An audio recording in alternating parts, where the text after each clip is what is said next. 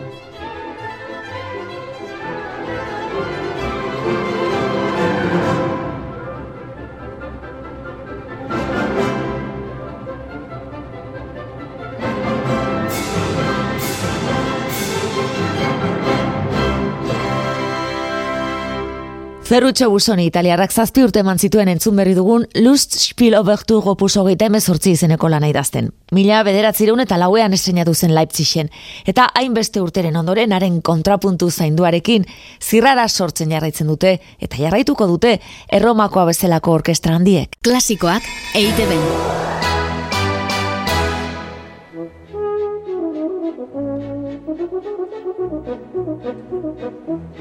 Thank you. Thank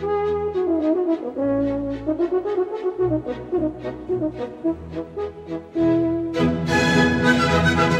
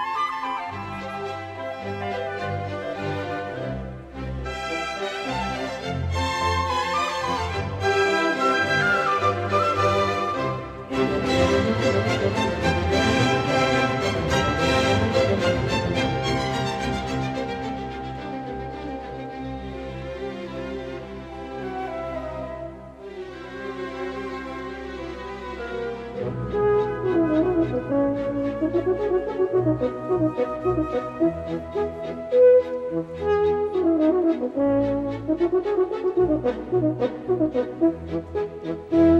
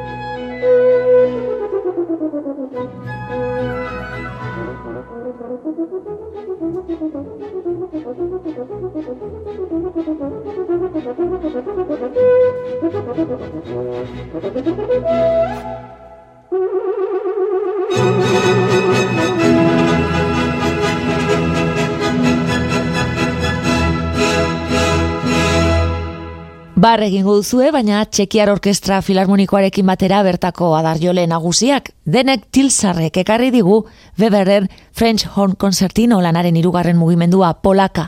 Zuzendari Baklav Neumann aritu zen, erdialdeko Europan ezagutu den orkestra gidari handienetakoa izan zena. Klasikoak EITB-en. Nino Rota italiarraren bi pieza laburrentzungo ditugu elkarren segidan.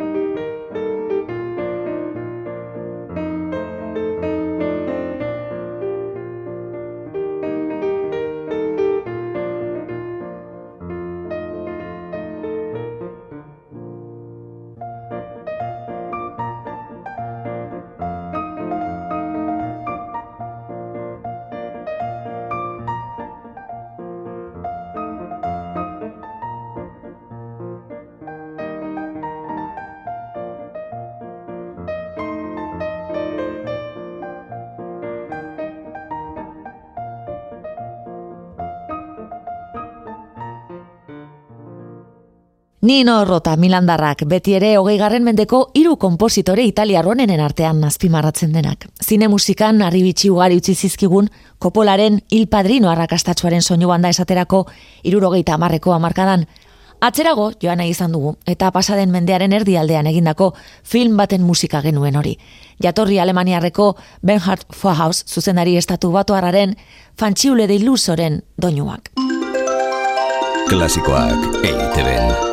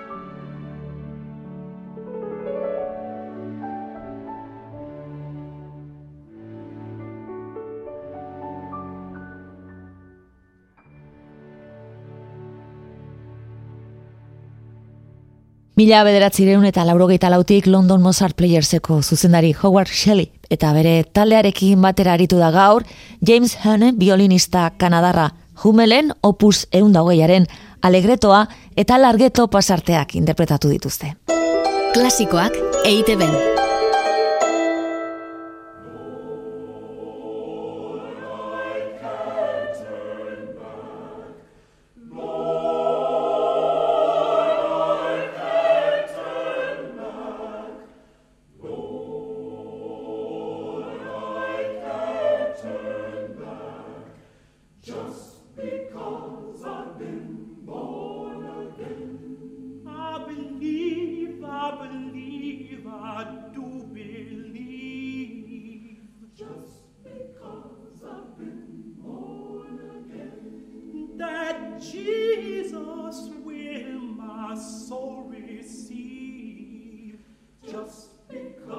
Something more. Oh.